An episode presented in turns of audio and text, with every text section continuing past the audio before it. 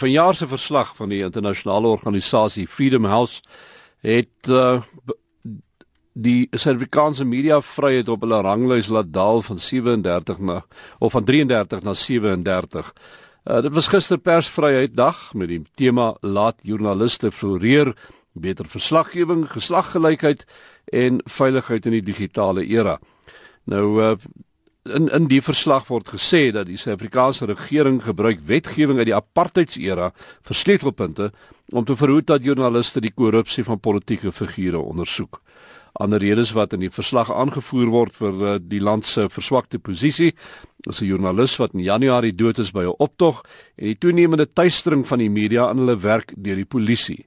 Ons praat nou daaroor met die hoof van die joernalis uh, skool vir journalistiek op Stellenbosch, dis professor Lizet Rabbe. Môre Lizet. Goeiemôre Kobus en jou luisteraars.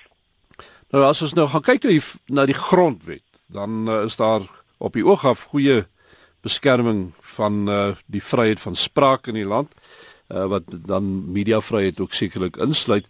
Uh maar dit is 'n papier is, uh, op die ou einde waaraan mense gehoor moet gee of uh, hy's eintlik niks werd nie. Wat is die situasie met ons hier? Ja, weet jy, ondanks die feit dat mediavryheid of spraakvryheid of uit as vryheid van uitdrukking veranker is in ons grondwet, in daai artikel 16 van ons grondwet, ehm um, beteken dit natuurlik niks as dit nie uitgeleef word nie en inligting is mag. Ons sien dit deur letterlik die eeue En as 'n regering inligting kan beheer, dan is dit mos nou tot sy voordeel. So dit is nog al die jare, al die eeue die geval. So ehm um, die rede hoekom ons besig is om te glip op daai persvryheidsindeks ook op 'n ander indeks is uh, glashelder die bedreigings ehm um, vir die vir die regerende party. Ehm um, en en dit is hoekom ons dan nou glip op die op die indekse. Hmm. En jy het genoem die die redes ook die ehm um, uh toegang tot inligting oor byvoorbeeld die sleutelpunte wet ensovoorts wat nog steeds op die op die wetboek is. Die verandering in die eiens uh, eienaarskap van mediagroepe, ehm um, het dit enige invloed gehad dink jy op die vryheid van spraak in die land? Ek jy, dit is natuurlik debatteerbaar. Ehm um, 'n mens wil baie deeglik moet kyk presies hoe het die inligtingvloei, die nuusvloei by daai maatskappye verander. Maar daar's een groep wat geheel en al aan die regering se kant is um, wat ook byvoorbeeld al die om om op so te sê al die die ehm um, advertensies en en ehm um, regeringsinligting kry en dan 'n ander een wat ehm um, byvoorbeeld onlangs by die konferensie van die organisasie vir ehm um, koerant ombudsmense genoem is deur Helen Zille as state capture. Jy weet die kaping van die staat hmm. van van ehm um, inligtingmedia. Ehm um, en en dit is nou waar 'n maatskappy oorgeneem is wat dan nou beskou word as dat hy ehm um, 'n skoothondjie is en nie 'n waghond nie. Ehm um, so dit is alles dinge waarna ons moet kyk, maar dis natuurlik nie net nie die geskiedenis herhaal homself. Ons weet van die verlede waar dit hmm. ook die geval was. Kom ons praat gou, kyk na die verlede. Kom ons stel hierdie hele situasie net 'n bietjie in perspektief. Ehm um, as ons nou dit vergelyk met hoe dit was voor die nuwe bedeling aan bewind gekom het, en eh, vergelyk met wat vandag aan die gang is, waar staan die media ten opsigte van mediavryheid? Weet jy, daar's natuurlik nie nie 'n kwessie dat ons baie vryer is as voorheen nie. Ehm um, vroeër is daar gespot Suid-Afrika het die het die vryste media in Afrika. Ehm um, maar vandag het ons natuurlik baie vryer media. Dit is hoekom baie mense nog sê maar ons hoef nie hoef nie so beangst te wees oor ons toekoms nie want ons is nog 'n oop samelewing en kyk net hoe kan ons die politici kritiseer ensovoorts. Dit is iets wat voorheen nie gesien is nie. Vandag het ons nog daai vryheid van spraak, maar ons sien oral waar waar ehm um, weer die deure toegeklap word. Daar's die ehm um, iets wat ons nog glad nie eers in ons media gesien eintlik gereflekteer word nie, is weer ehm um, sittings oor die wet op rolprente en publikasies wat as daai veranderinge deurgevoer gaan word um, gaan dit neerkom op pre-publikasie en pre-uitsending sens sensuur.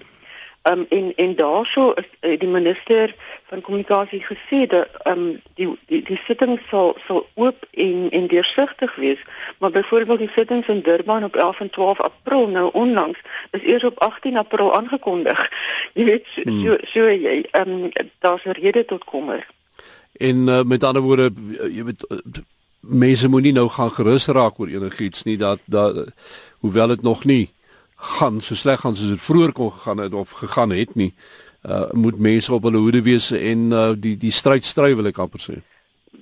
Baie beslis um, 'n mens kan dit nie genoeg beklemtoon nie want dit gaan nie oor die media se vryheid nie dit gaan oor die publiek se vryheid die publiek se inligting is se reg tot inligting die publiek se vryheid en dit is waar die publiek agter die media moet staan om maak die media soms verskriklike dom foute. Ehm um, dit gaan nog steeds oor vryheid van die vlo vrye vloei van inligting en en daarom wil ons altyd beklemtoon dis nie die media vryheid wat besprake is nie. Dis die individu se vryheid wat besprake is. Wat kan jy het nou verwys na die gewone mense, die mense wat nie media gebruik hier so so wat kan die burgery en die media dan doen om hulle vryheid van spraak te beskerm in hierdie land en te bevorder? Weet jy burgerlike bewegings, ons sien dit in in 'n paar sulke soort bewegings en daar's altyd kommer dat ehm um, by by so iets byvoorbeeld by 'n betoging by die parlement deur die media ehm um, dat die publiek hulle nie eintlik skaar by daai betoging nie en en dit is baie jammer dat daai deelname nie daar is nie. Daar's daar's taamlik burgerlike deelname by ander bewegings, maar nie by by mediavryheid nie. Ehm um, en dit pas natuurlik die die ehm um, gesag uh want want ons is 'n media ongeletterde samelewing. Ons besef eintlik nie dat 'n demokrasie se hoofpilaar is vryheid van spraak en vryheid van uitdrukking nie. Ehm um, dit het ook te doen met ons verlede, maar ons moet ons moet waaksaam wees. Dit is dink ek wat die wat die boodskap is van ehm um, beskerm ook die waghond, veral die waghond. Nou as een van die vrae wat ons uh, luisteraars gevra het ehm um, vanoggend in ons SMS uh, eh, terugvoer.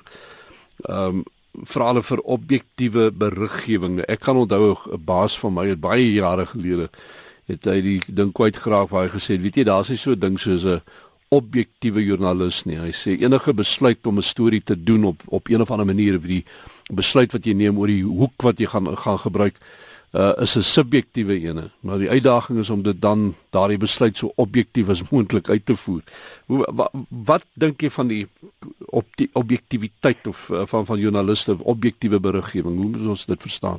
Ja, ons kan tot môre toe daaroor gesels want daar is nie so iets soos objektiviteit nie. Enigiets wat 'n mens doen word gekleur deur die deur die manier hoe jy na die wêreld kyk. Maar jy kan daarna streef om dit so onafhanklik as moontlik te maak, dit te laat toets, gebalanseerd albei kante te laat hoor ensovoorts. So so um objektiviteit is iets waarna mens kan streef in die sin van onafhanklike, gebalanseerde, getoetste feite maar wat jy en hoe jy gaan berig gaan nog steeds bepaal word oor hoe jy na die wêreld kyk en waar jy in die wêreld staan. So so dit is die die die maatstaf vir enige beriggewing is onafhanklikheid, geverifieer en balans. Ehm um, dit is wat wat mense dan nou bedoel met objektiviteit in die journalistiek maar nie dat jy ehm um, is gees uit vir 'n sekere gehoor dit dit dit beteken ander mense kan nie na RSG luister nie want want um, sekere dinge word afgebaken.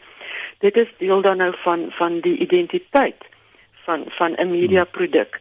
Ehm um, en dat jy dan nou daarvolgens ehm um, jou jou ehm um, boodskap verpak, maar dit moet so onafhanklik en getoets en gebalanseerd as moontlik wees.